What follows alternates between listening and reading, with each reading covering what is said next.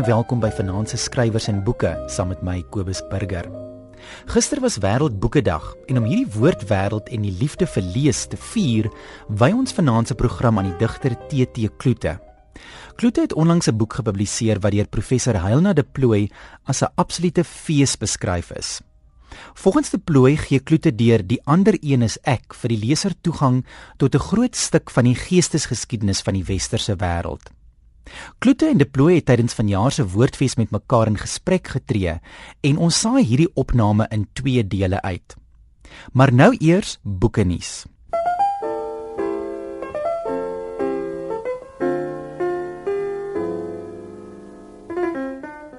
Alexander McCall Smith, Auntie Krog, Eben Venter, Joan Hambidge en Karel van der Merwe is van die skrywers en digters wat vanjaar se Franshoek literêre fees besoek. Die fees word van Vrydag 17 Mei tot Sondag 19 Mei in Franshoek gehou. Buiten boekegesprekke sal die skrywers Joanne Richards en Fred de Vries 'n skryfslypskool aanbied. In Ingrid Jonker, A Poet's Life sal Petrofna Meetlerkamp met Jonker se dogter Simonei gesels. Vir die volledige program en hoe om plek te bespreek, besoek die fees se webblad by www.flf.co.za.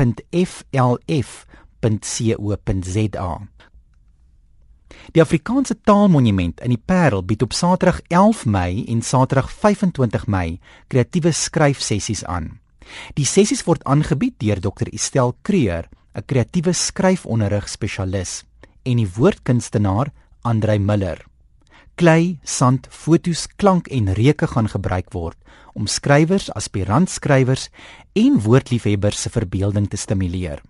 Die sessies duur van 10uur tot 3uur en kos R300 per persoon. Vir meer inligting skakel 021 863 4809. Dit is 021 863 4809.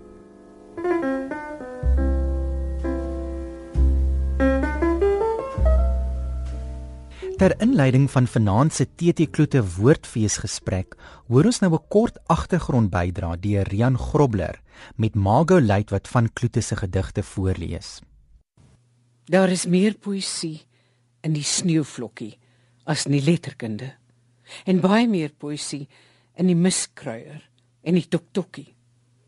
In die meteorologie en entomologie. In die môre mis en in die bergpiek in die horison wat in die hemel wegraak. In die rooswolk is daar baie meer liriek. Die aarde is deur 'n digter gemaak. TT Kloete se studentelewe is in sy eerste jaar aan die Universiteit van Pretoria in 1942, gekortweg toe hy polio opgedoen het. Hy kon eers sy studies 3 jaar later voortsit aan die destydse Potchefstroomse Universiteit vir Christelike Hoër Onderwys. Maar hy het homself vroeg onderskei as 'n uitmuntende student. Nadat hy in 1949 sy MA graad verwerf het, vertrek hy na Nederland waar hy onder NP van Wyk Lou promoveer. Hierna volg 'n roemryke akademiese loopbaan waarin Kloete onder andere rektor van die Universiteit van Port Elizabeth was en uiteindelik in 1983 aftree as hoogleraar in Afrikaans-Nederlands aan die Potchefstroomse Universiteit vir Christelike Hoër Onderwys. Maar wat interessant is, is dat sy eerste digbundel, Angelira, eers in 1980 verskyn 3 jaar voor sy aftrede op die ouderdom van 56. In 'n vorige onderhoud op RSG verduidelik TT Kloete waarom hy eers so laat gepubliseer het.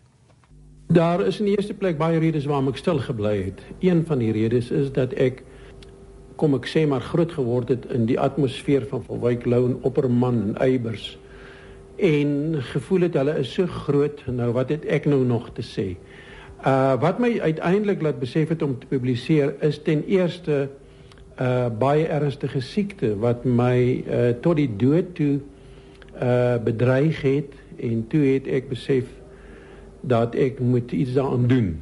Ek kan dit nie so laat lê nie. En 'n ander rede is ek het dan ook te gelyk uh, uh begin insien dat Uh, wel een skrywer kan nie alles sê nie en ek het miskien iewerster uh, ietsie te sê. Baie mense dink natuurlik dat ek eers begin skryf het op 55 jaar. Dit is nie uh, reg nie. Ek het uh, begin skryf toe ek heel jonk was en my oudste gepubliseerde gedig wat staan in 3 pas is geskryf toe ek 29 is. Maar ek het wel gevind dat om te publiseer ook 'n stimulus is. Leipold 100. Beste Leipold. Die mense is nog soos altyd op geld gesteld.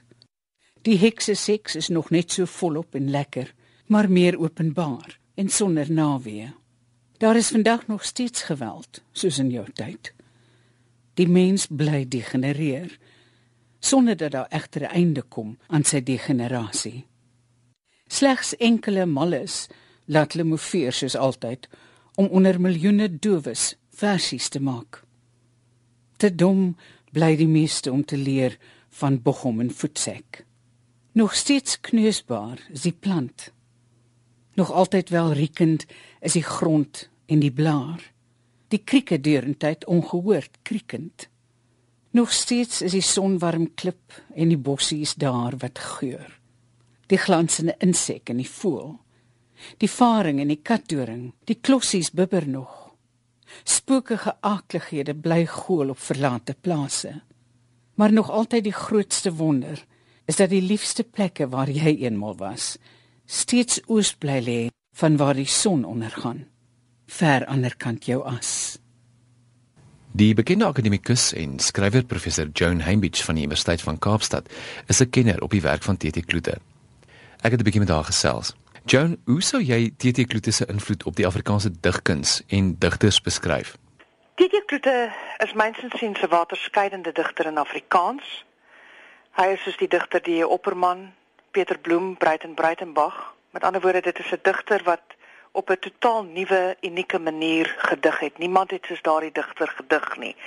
Daarom verander hy die hele diskurs, hy verander die kanon en hy dwing eintlik 'n nuwe leesstrategie af. Met ander woorde, jy moet op 'n nuwe manier na hom kyk. En so groot digter het dan ook 'n bepalende invloed op digters wat na hom kom. Ek dink die invloed is baie duidelik op myself, die digter Johan de Lange, Johan Lodewyk Maree, die latere werk van Antjie Krog byvoorbeeld bewys die invloed van die digter. Ek dink ook Johan Meiber se digkuns uh kan 'n mens sien as 'n as 'n digkuns wat in gesprek tree met die werk van Kloete. Om TT Kloete te probeer etiketeer is baie moeilik. Vertel ons van die diversiteit van sy poësie. Wel in eerste instansie word hy beskou in Afrikaans as 'n intellektuele digter wat heeltemal korrek is. Maar terselfdertyd is hy iemand wat skryf oor alles in die lewe. Hy skryf oor 'n sneeuvlokkie. Hy skryf oor die Hubble teleskoop. Hy skryf oor 'n blom. Hy skryf oor 'n kristal. Hy skryf oor die poësie. Mens vind in sy digkuns lykdigte, gedigte wat handel oor verliese, familieskapgedigte, huldeblyke oor bekende figure, sê byvoorbeeld soos Peter Sellers, Marilyn Monroe. Hy skryf ook gedigte oor ander digters, byvoorbeeld Leipold, Seem van die Heefer. Met ander woorde, dit is 'n baie ryk geskakeerde digkuns. Dis 'n digter wat eintlik met die hele wêreld in gesprek tree. Joan, jy het Kloete nou al beskryf as jou digterlike mentor. Vertel ons meer van sy invloed op jou en en jou werk. Wel, die eerste keer toe ek sy poësie gelees het, het ek gedink hier is iemand wat iets sê soos wat ek dit graag sou wou sê. Ek het in daardie stadium Kloete as 'n mentor beskou, as 'n digterlike mentor omdat ek pas teruggekeer het van die FSA en ek het gevoel hier is 'n digter wat iets sê wat my leefwyse vertolk. Ek het hom net 'n ontsettend intellektueel uitdagende digter gevind en hy het my eintlik aan die dig gesit. Jy het dit Kloete pas beskryf as 'n intellektuele digter, maar hoe toeganklik is sy werk vir die gewone mens? Dis 'n interessante ding van Kloete. Hy is 'n intellektuele digter wat ook met gewone mense praat. Met ander woorde, hoewel hy miskien geleerde woorde gebruik of neologismes mint, is die interessante ding van sy poësie is dat daar ook gedigte is wat met alle mense praat en ek dink dit is altyd die die toetssteen vir 'n groot digter is dat jy op verskillende vlakke met verskillende mense kan praat.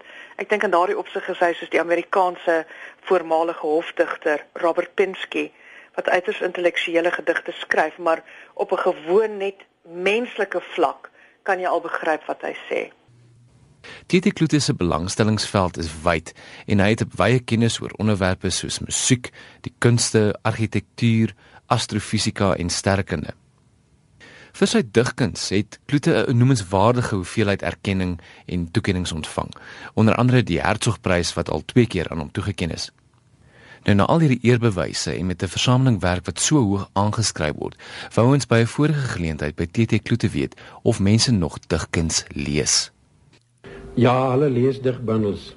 Baie mense uit die gewone publiek lees jou werk. En die die die wonderlike is dit dat 'n uh, 'n uh, huisvroutjie wat op vrede sit my beter verstaan as hierdie geleerde doktore en professore. My ervaring is dat mense my lees. Ek kan dit ook sien aan die verkoop van my digbundels, maar my ervaring is dat mense my lees en mense van enige leeftyd, baie jong mense lees jou. Hulle kom na jou toe, hulle skryf vir jou.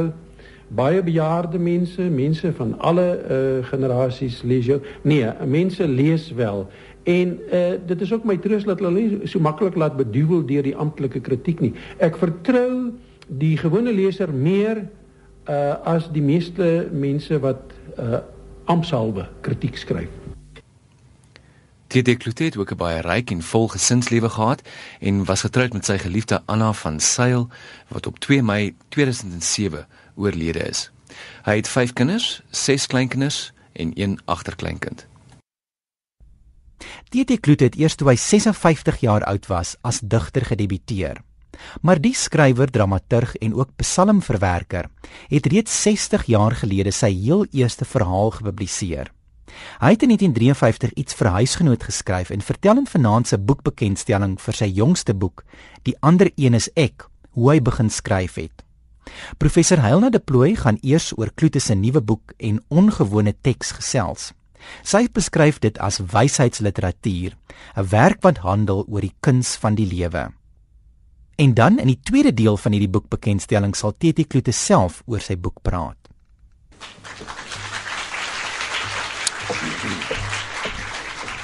Dit is vir my 'n baie groot voorreg om om hierdie boek uh vandag te kan bekendstel. Dis 'n verskriklike lekker werk wat ek het om te doen boeke mense hou van boeke. En hulle hou van mooi boeke. En hulle hou nog meer van interessante en en opwindende boeke. En hierdie boek waaroor ek dit nou vanmiddag het, is inderdaad 'n interessante en 'n ander soortige boek. Kyk, uh, almal van ons wat graag lees, weet dat as jy 'n boek lees dan dan het jy 'n bepaalde verwagting van wat jy daar gaan kry. Jy verstaan die boek eintlik in 'n groot mate op grond van die aard van die boek wat jy lees. Ja, dit is een van die maniere waarop ons hele leeservaring eintlik tog maar berus. Jy weet hoe lyk 'n gedig, jy weet hoe lyk 'n storie, jy weet wat is die verskil tussen 'n verhaal en 'n gedig. Jy weet ook wat is die verskil tussen 'n koerantberig. Ek meen stel jou nou voor die die joernalis wil nou 'n berig skryf oor 'n hofsaak oor 'n erfporsie en nou gaan haal hy die oom wat oorlede is se storie by sy geboorte. Nou ja, goed, dan sal die mense nooit klaar kry om die koerant te lees nie en die joernalis gaan definitief sy werk verloor, want dit is 'n ander soort teks. Die soort tekste wat vir ons bekend is, hulle dra op sigself betekenis. As jy nou 'n sonnet lees, dan weet jy, iewers ter kom hier 'n wending. Net iemand vertel my nou eers bietjie iets en dan gaan hy nou daai beeld toepas. Daar's altyd hierdie oorgange en wendinge en 'n mens is daarop ingestel. Jy wag daarvoor. As jy 'n um, roman lees, dan wag jy nou dat hier nou iets onheilspellend gebeur of daar moet iewers ter darm so 'n bietjie van 'n klimaks wees. Maar partykeer ontstaan daar ook nuwe tekssoorte. En uh, dan kom daar iets anders tot stand. Ons leef ook inderdaad nou in die tyd dat skrywers baie wyd eksperimenteer met soorte tekste. Weet hulle sit stukkies strokies prente in die teks in, hulle sit prentjies tussenin en jy kan eintlik basies amper enige ding doen. Nou is dit so dat die lesers nie altyd gereed is vir daai vernuwing nie. Ek meen ek dink toe Cervantes Don Quixote geskryf het, was die eerste lesers ook nie bedag daarop dat hy 'n parodie gaan skryf van 'n ridderroman nie. Hulle het gedink hulle gaan weer 'n bekende ridderroman kry. En ek dink miskien net Cervantes self dit ook nie begryp en hy definitief nie kon voorsien dat sy boek vir soveel eeue na sy dood nog steeds so verskriklik bekend en beroemd gaan wees nie. Nou hierdie boek van uh, professor TT Kloete, die ander een is ek. Is inderdaad 'n ongewone soort teks. Omdat die genre waartoe dit behoort nie sommer so maklik aangedui kan word nie. Weet ek kan nou nie sommer maklik vir julle sê kyk, dit is 'n dit of 'n dat of hy lyk so of hy lyk sus nie. Maar nou is dit so dat hoekom kan jy nie 'n boek op 'n ander manier skryf as wat die bo ander boeke geskryf is nie? Hoekom kan jy nie goed kombineer wat vir jou natuurlik kom nie? Ehm um, ek meen Umberto Eco het in sy uh, roman De naam van de roos Il nome della rosa het ek vanmôre vir ons Italiaanse gastehuis eienaars mooi gevra dat ek die naam nou presies reg op die Italiaans het. Hy het in daai roman het hy geskryf 'n historiese roman, 'n filosofiese roman. Hy het die uh, teorie van die semiotiek daarin gesit. Hy het en dis op die ou en te speurverhaal en dit is 'n parodie op 'n klomp goed. So En en ek meen dit het 'n wonderlike roman geword. So wie's die hoofseun en die hoofdogter van genres wat vir ons sê so sal jy skryf en so sal jy nie skryf nie en so mag jy en so mag jy nie. Ons leef gelukkig in hierdie post post postmoderne tyd. En ons kan dus eintlik baie vryer maak uh, wat 'n mens wil. En daarom kan jy sekerlik verskillende tekssoorte soos die outobiografie allerlei vertellings, filosofiese besinning, literêr-teoretiese analise en interpretasie. Jy kan intertekstuele gesprekke gevoer, voer, jy kan akademiese literêre debatte ter sprake bring en dit kan jy alles in een boek doen. En dit is wat TT Kloete wat 'n gevestigde en 'n deurwinterde skrywer en akademikus is. Dit is wat hy doen in die ander een is ek hierdie teks bevat 'n besinning uh op die essensies van 'n lewe. En die temas wat jy daarin kry is dieselfde temas wat jy ook in in Kloete se poësie kry en ook in sy akademiese werk. En die teks is afwisselend, bespiegelend, verhalend, analities en interpretatief. Ek dink vir vir boekliefhebbers en vir letterkunde liefhebbers is so 'n boek eintlik 'n absolute fees. Maar die boek is inderdaad nie maklik tuis te bring onder 'n spesifieke kategorie nie. Ek kan nou nie sommer maklik sê wat dit is nie. As ek dit moet beskryf, dan sal dit op iets neerkom soos dit is 'n vorm van 'n besinnende lewensbeskrywing wat aansluit by die tradisie van life writing, iets wat nou deesdae eintlik baie prominent is. Dit is 'n vorm van ego-literatuur. Maar dit is beslis nie 'n gewone outobiografie wat 'n lewensverhaal vertel nie. Dit is dit definitief nie. Dit is eerder 'n beskrywing en julle sal julle sal agterkom dat ek fyn formuleer want ek moet ook versigtig trap. Weet as 'n mens werk met iemand wat 'n fyn proewer van woorde is, dan moet jy self jou woorde tel en moet jy omtrent so op jou tonaals deursluip. Ek sou sê dit is 'n beskrywing van en 'n besinning oor 'n intellektuele lewensreis waarin die kernomstandighede van die skrywer se lewe as uitgangspunt geneem word, maar dit word geobjektiveer en dit word getematiseer. Die skrywer skryf oor hierdie temas in terme van sy eie besondere wye leeservaring wat uiteenlopende tekste in insluit. Dikwels die klassieke tekste van die westerse beskawing wat beroemde en minder bekende literêre, religieuse, filosofiese en wetenskaplike boeke uit verskillende historiese tydperke insluit. 'n Mens sou byna hier kon praat van 'n soort akademiese outobiografie of 'n biogra autobiografiese akademiese geskrif, want dit is asof die skrywer in terme van sy eie verwysingsveld vir jou vertel hoe hy die dinge wat in sy lewe gebeur het, intellektueel en literêr verwerk het. Nou die teks word aangebied in afsonderlike essays wat dit eintlik maklik maak om te om te lees. En elke keer is daar 'n bepaalde fokus in so 'n afdeling. Maar daai tematiese ontwikkeling loop eintlik regdeur. So jy gaan sien jy gaan elke keer terugkom op hierdie goeters uh wat wat die belangrikste onderwerpe is. Dit is soos byvoorbeeld liggaamlikheid, die die feit dat 'n mens jou gesondheid baie onverwags kan kwytraak en dat jou liggaam dan eintlik vir jou deur jou lewe 'n baie 'n baie sterk aanwesigheid is. Uh aan die ander kant uh gaan dit ook oor kreatiwiteit as 'n helende eienskap. Watter rol speel dit om kreatief te wees as jy dinge moet verwerk? En dan kom die ander onderwerpe by, dinge soos inlywing, transcendering, selfvervreemding, selftranscendering.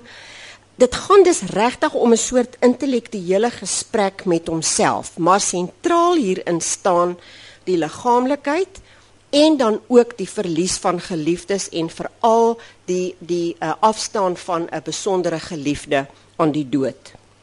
Nou vir my is dit natuurlik 'n verskriklike boeiende stuk skryfwerk en want dit is 'n 'n besinning oor 'n lewe in die algemeen en persoonlike belewennisse, maar dit het ook 'n algemene waarde. Nou is dit so as jy die boek lees, dan sal jy sien dat die boek 'n taamlik taamlike akademiese voorkoms het. Daar's allerlei verwysings in. Nou daai verwysings is nie om slim te lyk nie. Dit is sodat jy self in daardie boeke verder kan gaan lees, want dit is alles eintlik verskriklike interessante boeke waarna verwys word. Ek meen ek het baie keer daar by professor Kloete gekom en dan sit hy in sy groot stoel en dan hy hierdie kant so dik boek langs hom in by die stoel langs die kussing in en hierdie kant is daar nog so 'n dik boek dan's hierdie een van Gogh se briewe die nuutste Nederlandse uitgawe en hierdie kant is so dik die geskiedenis die geheime geskiedenis van die Mongole en dit, is die goeters wat hy sit en lees en dan praat hierdie boeke met hom in terme van die vraagstukke lewensvraagstukke waarmee hy sy kop besig hou van die uniekheid van hierdie teks lê daarin dat persoonlike vertelling en akademiese gesprek bymekaar kom. Die die die die feit van die saak is eintlik dat 'n mens verwag dat jy iets moet lees in 'n genre wat jy ken. Hierdie ding moet nou soos 'n outobiografie vir jou die storie vertel. Weet of hierdie ding moet vir jou soos 'n roman moet hy nou 'n sekere ontwikkeling hê. Maar hierdie is 'n ander soort boek Ek weet en dan het ek een keer is dit 'n 'n baie bekende teoretikus ou met die naam van Roger Fowler het op 'n keer gesê jou genre is eintlik net om die kommunikasie daar te stel. Jy verwag iets en dit maak as dit ware 'n kommunikasiekanaal, maar die genre is nie soos 'n duiwehok nie. Dit is die duif. Dit is die duif wat kan vlieg. En hierdie 'n teks is hanteer dat die vorm van die teks soos 'n duif kan vlieg uh, dit sit die kommunikasie aan die gang. Dit is die vertrekpunt is dus iets en dan moet die leser maar eintlik die skrywer se aanwysings volg. Wel dis nou die gewillige leser. Maar lesers mag natuurlik ook teepraat en terugpraat. Dit mag definitief ook gebeur. Die feit van die saak is, dit gaan hier om die natuurlike skryfproses van 'n groot digter en skrywer wat literêr en akademies geskool is en dit is sy natuurlike habitat. Dit is die wêreld waarin hy lewe. Hierdie boeke wêreld is die wêreld waarin hy geleef het. Dit is sy verwysingsveld. En in terme daarvan deel hy sy lewenservaring met sy leser. 'n Mens sou dus eintlik ook hierdie boek as wysheidsliteratuur kon bestempel uh omdat dit baie sterk besin oor die kuns van die lewe. Hoe lewe jy? Hoe hanteer jy dinge? Hoe hanteer jy die dinge wat oor jou pad kom waar waarvoor jy nie en waarop jy nie bereken het nie? Uh en die titel van die boek is verskriklik belangrik. As hy sê die ander een is ek. Dit gaan om daai gemeensame aard van belewenis. Wat ek belewe is ook wat jy kan belewe en wat jy belewe is ook wat ek kan belewe. Ek kyk na jou en jy kyk na my. En op daardie manier is die mens eintlik aan al sy medemense eintlik verbind.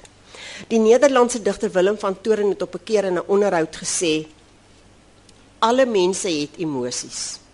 Jy jy regtig as jy nou gaan sit om 'n gedig te skryf en jy wil net jou eie emosietjie daar uitstort almal het emosies. Dit gaan nie daaroor dat jy 'n emosie het nie.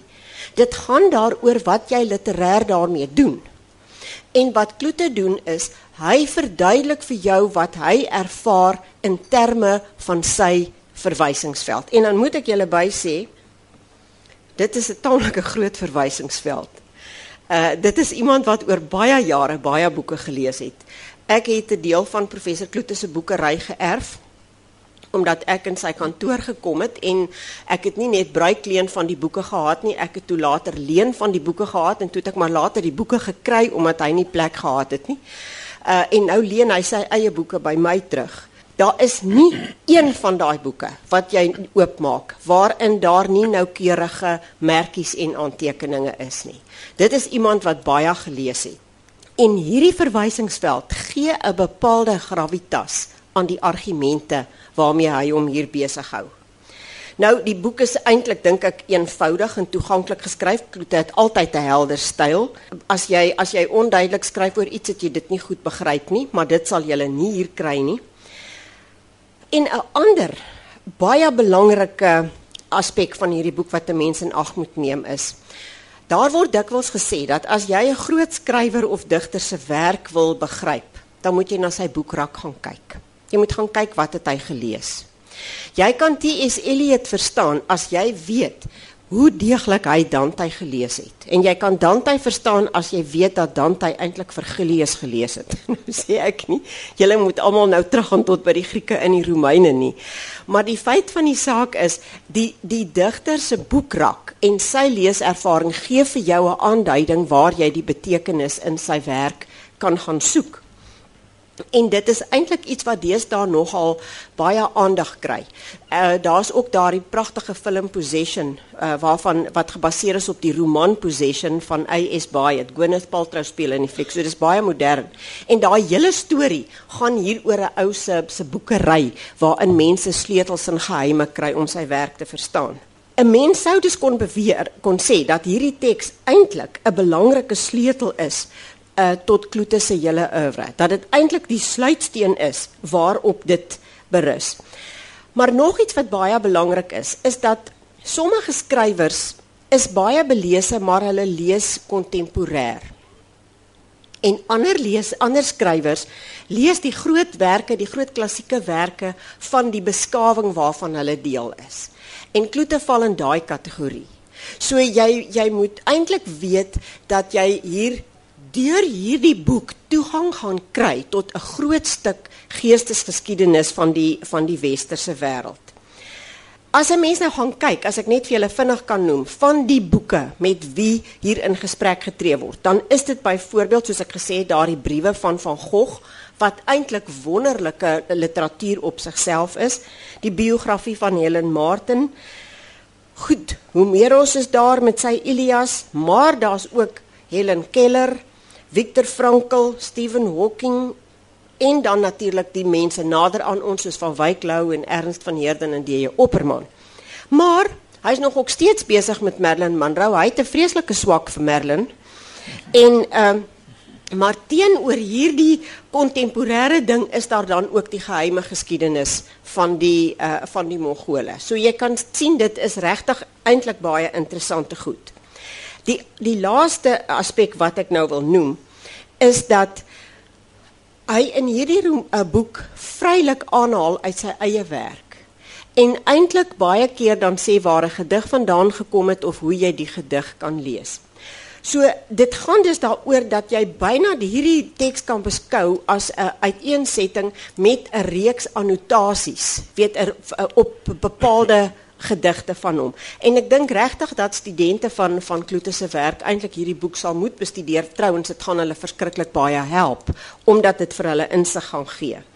Maar dan ook van die werk van ander skrywers en digters. En daar gaan dit weer oor die hele spektrum. Dis van Paulus tot by Martinus Nijhoff en Porter en Baudelaire en Henry James en Leopold, veral Leopold, maar ook Darwin en Einstein.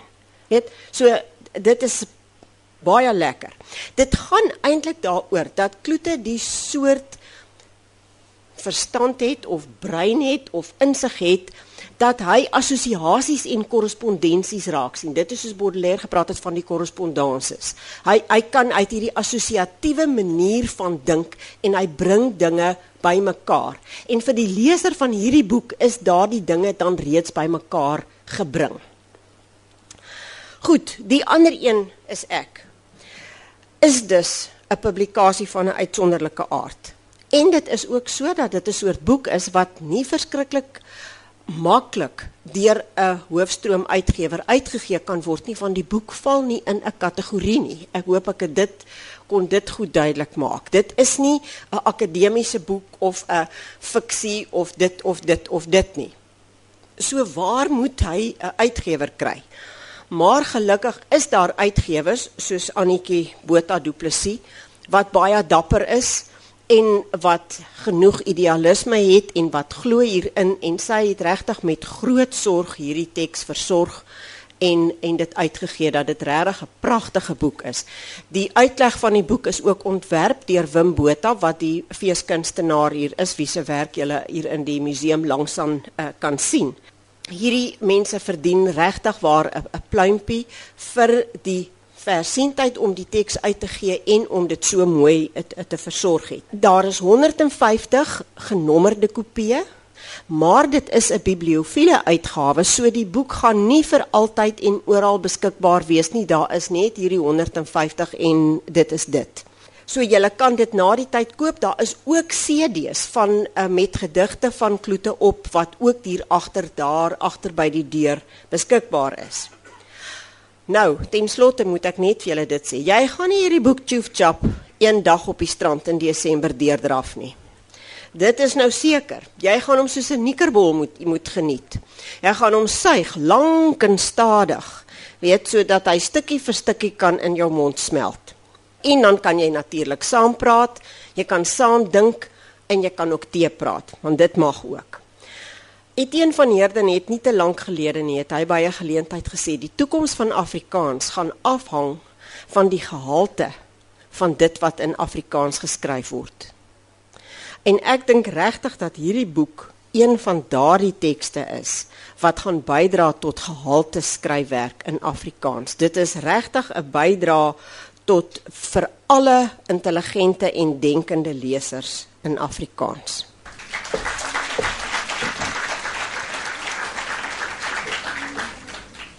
Dit was dan professor Heilna de Plooy tydens vanjaar se woordfees met haar inleiding vir die bekendstelling van TT Kloete se Die ander een is ek.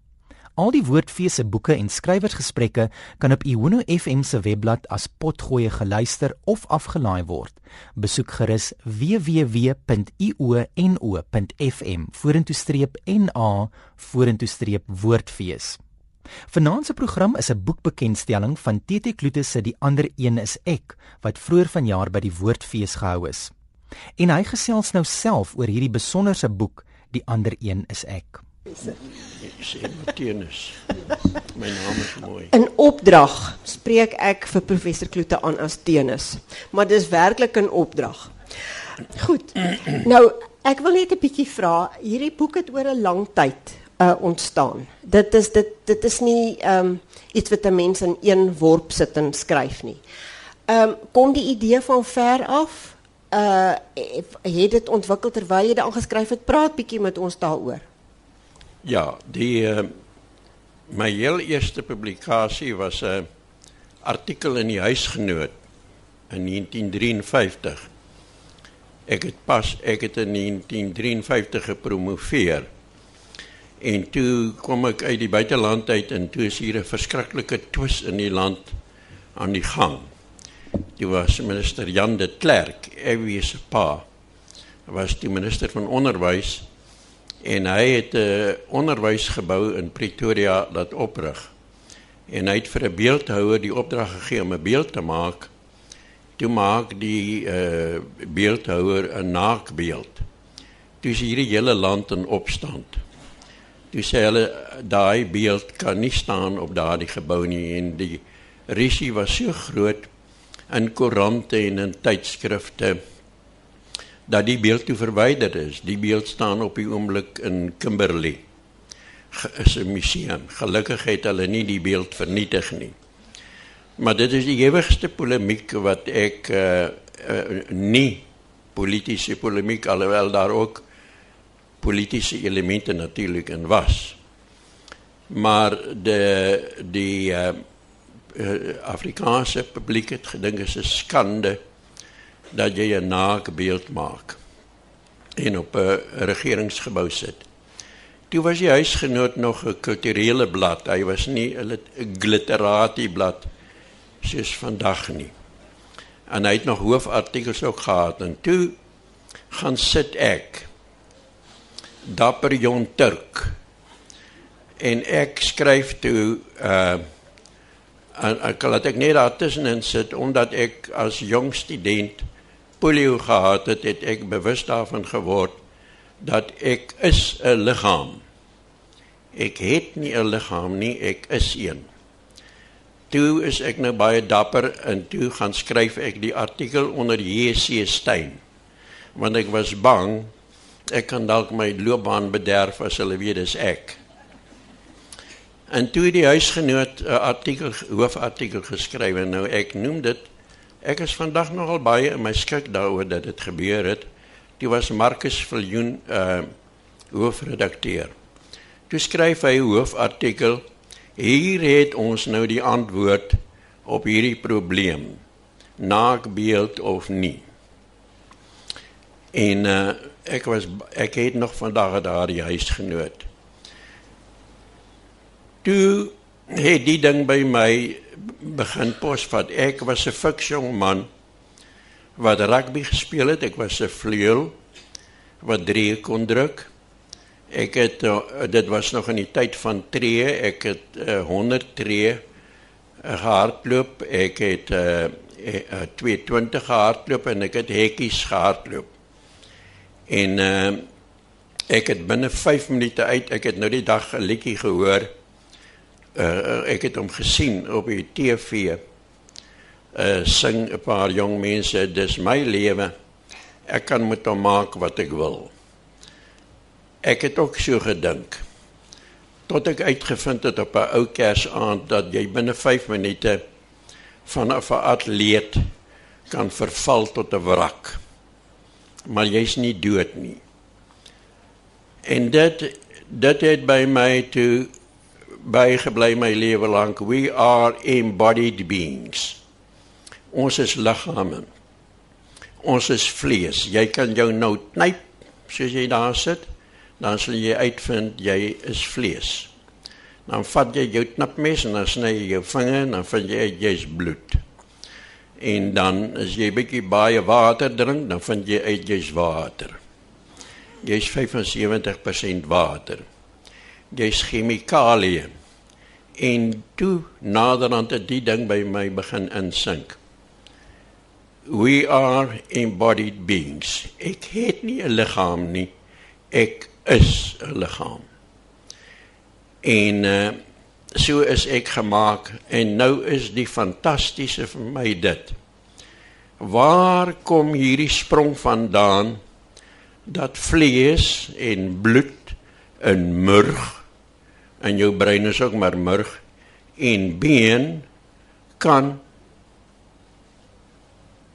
'n droom kan lief hê kan dink kan emosies hê en kan 'n wil hê goed ek weet uh, as as ek lief het skei my brein sekere uh, elektrochemiese stof af. En daar is name daarvoor As ek haat, dan skei my brein seker elektrochemiese stof af. Maar waar kom dit vandaan? Niemand kan dit verklaar nie. Niemand kan dit verklaar nie. Ek word uh, uh, uh, nou oor 'n maand of twee word ek 89. Ek het baie boeke gelees. Ek het niemand teëgekom wat vir my kan sê hoe vind die sprong plaas van vleis en bloed en been en murg of brein na haat, liefde, geloof, hoop, gedigte, woorde. Ek sal die woorde met eerbied van die uh, Nuwe Testament wil omdraai. In begin, in die begin was daar die woord en die woord het vlees geword. Met eerbied sal ek wil omdraai in die begin was daar vlees en die vlees het woord geword. Nou kan ek gedigte skryf. En ek het 'n gedig geskryf. Hy kom nou hopelik in my volgende bundel en nou wil ek nie te veel daaroor praat nie want my vrou het altyd gesê moenie die beer se vel verkoop voor jy die beer geskiet het nie. Maar daar het ek 'n gedig ingeskryf. Hierdie gedig is geskryf deur my tande, deur my naels, deur my ooghare. Hy's geskryf met my tone, met my voete, met my hele liggaam. En in my debuutbundel staan 'n gedig Ek is. Ek is in hier in die gehoor sit 'n vroutjie, ek wens ek kon vir haar vra, want sy ken hom uit haar kop uit. Maar ek is vlees, ek is been, ek is my poliomyelitis, ek is uh, murg, ek is my vallus, ek is. En nou loop toe dit later aan hierdie uh, geheim van hoe het die hoe vind die sprong plaas vanaf 'n liggaam na gees toe. Noem dit nou maar so in eenvoudige terme. Hoe kan vlees en bloed en ons is meestal water. Ek dink ons is in die 70% water. Nou alle lewe het uit water uit ontstaan. Die Bybel sê dit ook, maar die wetenskaplikes sê dit ook. Hulle en uh, uh, die hierdie wetenskaplikes praat dan nou van 'n oerpoel maar hulle weet nie waar waar kom die poel vandaan nie. Hulle bly maar vassteek in 'n metafoor. Dis nogal vir my komies. Die wetenskaplikes steek eintlik vas in 'n metafoor. En die metafoor is die kern van die gedig. Hulle weet nie, party is net te trots om te sê hulle weet nie. Maar ek sal ook Descartes iets by Descartes wil sê. Descartes het gesê ek kan dink, daarom is ek ek wil by Descartes sê ek eh, ek wil iets toevoeg vir Descartes. Hy kan my nou nie meer hoor nie, maar as hy geleef het sou vir hom gesê het ek is liggaam. Daarom dink ek daarom is ek bestaan ek. Maar ek is liggaam. Daarom dink ek Descartes het nie daaraan gedink wat is daardie geheim nie. En dit is nou die kern van hierdie boek van my. En toe het ek nou met ter jare eh, het ek dan nou dit geskryf. Daar daar is baie liggaamlikheid in my gedigte en die die persoon wat dit eintlik onder die aandag gebring het van die literêre publiek is uh, is Heilna. Sy het agtergekom hoe ek oor die liggaam skryf. En hierdie wonderbaarlike ding wat wat by my uh, verwoes is, maar hy kan nog uh, dink. Hierdie liggaam kan nog dink. Hy kan nog lees en hy kan lief hê. Nou nou kom daar vertakkings uit uit hierdie kerngedagte. Soos byvoorbeeld dat ek kan glo uh, dat ek uh, kan lief hê en dat ek kreatief kan wees. Hoe kan en en ek sê dit kom nou in hierdie nuwe bundel julle moet nou nie my tema steel julle wat kan skryf nie. Maar ons het drie breine. Ons eerste brein is ons maag. Hy moet werk van die begin af. En as hy nie werk nie, gaan jy dood. Dan kan jy nie meer gedigte skryf of lees nie. Jou tweede brein sit uh, in jou genitalia. En jou derde een is hierdie een. In hierdie uh porselein of uh ivoor dop. En jy kan nie hoor wat hier aangaan nie. Hier gaan 'n uh, amper wil ek sê 'n moer se lawaai aan. Hier vonk dit die hele tyd. Maar maak hierdie maag dood. Dan hou daai vonk op. Nou hierdie hierdie tweede brein wat sin wat sit in wat ek die derde oksel noem hieronder. Hy het uh, hy beheer beteken hierdie man. Hy ruk hande uit. Uh en die maag ook. Maar nou soek het ek nou die vertakkings uitgewerk ook dat pyn is kreatief. Ek ek nou weet ek mense mens kan uh, gebreke romantiseer. Jy kan uh jy kan sê uh omdat ek baie pyn gehad het, ek kan ek kan ook dweep met my pyn. Maar ek dweep nie met my pyn nie, maar van my 18de jaar af het ek elke dag pyn. Soos ek hier sit, het ek pyn, maar ek het al geleer om 'n hoë drempel teen pyn te ontwikkel. Maar dan is pyn kreatief. Die dood is kreatief.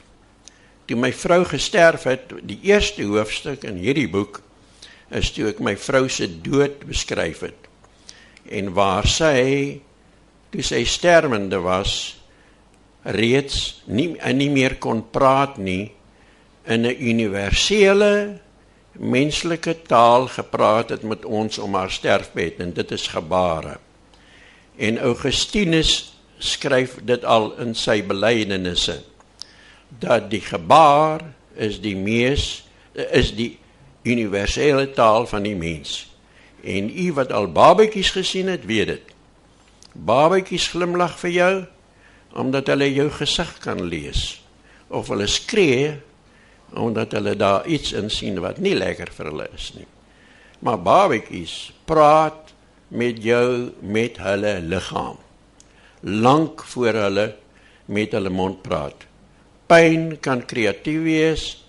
Die dood kan kreatief wees. Die dood is was die, die eintlike stimulus dat ek gaan sit het om my vrou se dood te verwerk om nou hierdie idees wat nou die hele al die jare in my kop geswerf het bymekaar te bring. Maar dan die liefde, die kern en daar was Paulus reg is die liefde. En die liefde is die eintlike ding van die ander een is ek. Want as jy liefhet, verloor jy jou egoïsme en dan word jy die ander een. En ek het my vrou geword en my vrou het ek geword. En hierdie ding van Flaubert en Madame Bovary is waar. Flaubert was 'n man, maar sy hoofkarakter is Madame Bovary en hy het gesê Madame Bovary, c'est moi. Madame Bovary wat 'n vrou is, is ek. Louis Couperus was 'n man. Eline Vere is 'n vrou. Maar Louis Couperus het Eline Vere geword. Die liefde is die ontsnapping. En verstaan my mooi, daar's 'n groot verskil tussen verliefdheid en sy elektrochemiese pulse wat hy uitstuur en liefde. My ma en pa is al dood op die ouderdom wat ek nou het en ek is nog vir hulle lief. En geen laboratorium kan dit meet nie. Hulle kan my in 'n laboratorium sit as ek verlief is en dan meet hulle watter uh, elektrochemiese uh, impulse word afgestuur. Hulle kan nie die liefde meet van wat ek nog het vir my vrou wat al 7 jaar dood is nie. Hulle kan nie die liefde meet vir my pa, my ma of my oupa, my ouma wat al Hoe lank dood is nie alle eeu? Hoe lank is my oupa en my ouma al dood? Hulle is op my leeftyd dood en ek is nog lief vir hulle. Geen laboratorium kan dit meet nie en Dawkins met sy genetika in Oxford kan maar kom. En nou ek daag hom uit. Hy kan wat nou sê dit gaan om gene. Nie bog daarmee. Dit is waarom Newton gesê het as ek kyk na my duim, dan kan ek sê daar is 'n God. Hoe hy lyk, dit weet ek nie. As ek 'n sneeuvlokkie sien, die meeste mense weet nie hoe lyk 'n sneeuvlokkie nie. Maar julle het almal rekenaars, gaan tik net in snowflake. 'n 'n 'n snow snow nie nie snowflake nie. Snow crystal. Sneeukristal. Alle sneeukristalle het 'n heksagoon. Soos 'n by 'n uh, 'n uh, 'n neste 'n heksagoon het. Soos die naaldekoker se oog der duisende heksagone het. As die by 'n vierkant moes maak vir haar heuning, dan het hy boepens gemaak. As 'n driehoek driehoek gewees, dan het hy 'n boepens gemaak. Was dit 'n sirkel, het hy 'n ovaal geword. Maar hy sê heksagoon, hy kan nie uitsak nie. Hy bly 'n heksagoon met daai is heuning is swaar en alle sneeukristalle word sneeuvlokke maar alle sneeukristalle en dit kan ons sien onder 'n elektronmikroskoop alleen is heksagone. Dus en nou hierdie ding die ander een is ek. Nou kan ek hier sit, nou het ek iemand lief, nou is ek daai persoon. Nie verlief nie, lief. Nou is ek daai persoon. En ek kan ook lief wees vir hier's mense in hierdie gehoor wat ek uh, baie lief vir is. En uh, met goeie bedoelings en my egte liefde, die liefde wat Dante met die hoofletter geskryf het. Maar nou kan ek ook 'n uh, boom word. Soos van Gogh gesê het, ek wil hierdie boom word, maar hierdie boom verset hom en en dan skryf hy in sy brief ek gaan môre hierdie worstel met hierdie boom en ek gaan hierdie boom word. Ek gaan dit ek kan dit klip word. Dit staan in een van die psalms. God ons Jode het elke klip in hierdie land lief. Ek het ook die klippe lief. Ons was waar lou waar sê tog vir ons waar was waar het ons geëet nou die dag wat die klipbeelde was? Tak Takara. Gaan kyk na daai klipbeelde daar. Daar dit dit dit is wat wat wat in die menslike liggaam nagemaak was. Ek ek ek wil nog net nou net net terugkom op net nou ons weet nie wat hier aangaan hier binne nie. Weet u wat is vir my eintlik die bewys dat daar 'n God is is die brein kan homself nie verstaan nie. Dis 'n feit. Maar die brein kon nie 'n ding gemaak het wat hy nie verstaan nie. hy is gemaak deur iemand of iets anderster. As ek die brein gemaak het en dit is wat Irwin Washington gesê het, as ek my eie brein gemaak het dan was ek 'n idioot. Maar so het jy dan nou ook die uh, my een seun is 'n teoloog en ek het hom gesê maar julle teoloog julle sê daar's nie godsbewyse nie en na die, die skepping is daarvan vol van my duim af tot my my oog wat Dawid nie kon deurgrond nie. En toe sê hy ja pa daar's baie God se bewyse maar net vir hulle wat klaar glo. Maar hier wat hier aangaan kan ons nie hoor nie. Hy stoep stil. Maar wat in jou eerste brein aangaan kan jy hoor tot jou verleentheid. ja. Ja. En dan nou dan, dan nou hierdie tweede brein wat ons domineer, nou sit ons met 7 miljard mense. Hoekom? Hoekom? Omdat ons toegelaat het dat die tweede brein die derde een oorheers. Stuur hom in die war, hardloop met hom weg.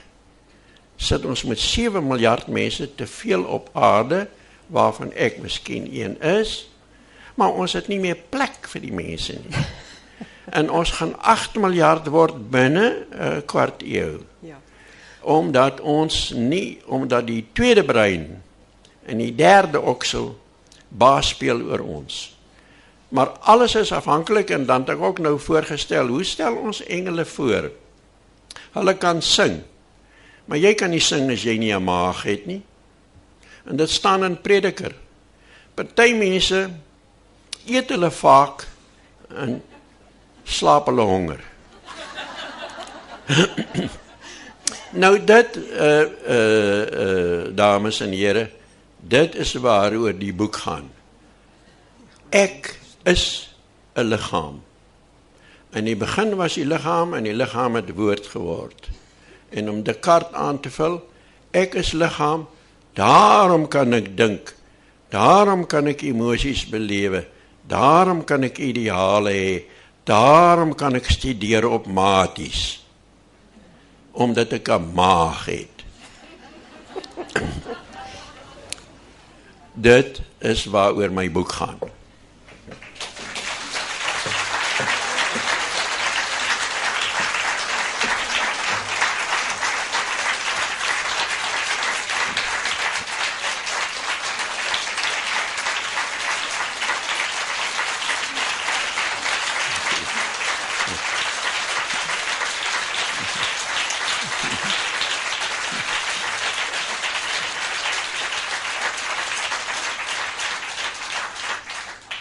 Baie dankie.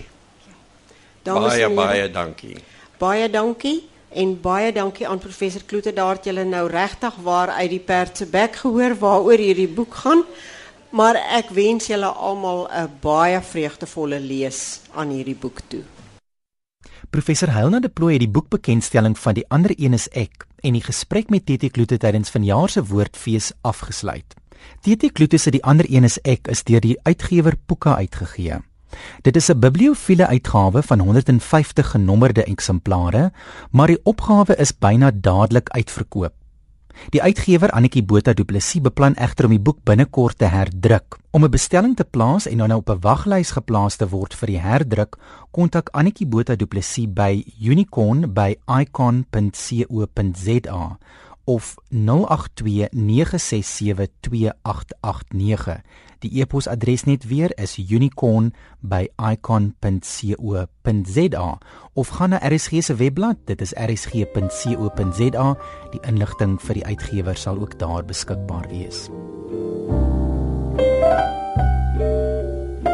Laat hoor gerus van jou as jy vanaand se skrywers en boeke geniet het. Stuur 'n e-pos aan kburger@rsg.co.za of 'n SMS na 3343. Dit is Kobus Burger wat groet tot aanstaande week. Geniet die res van jou aand. thank you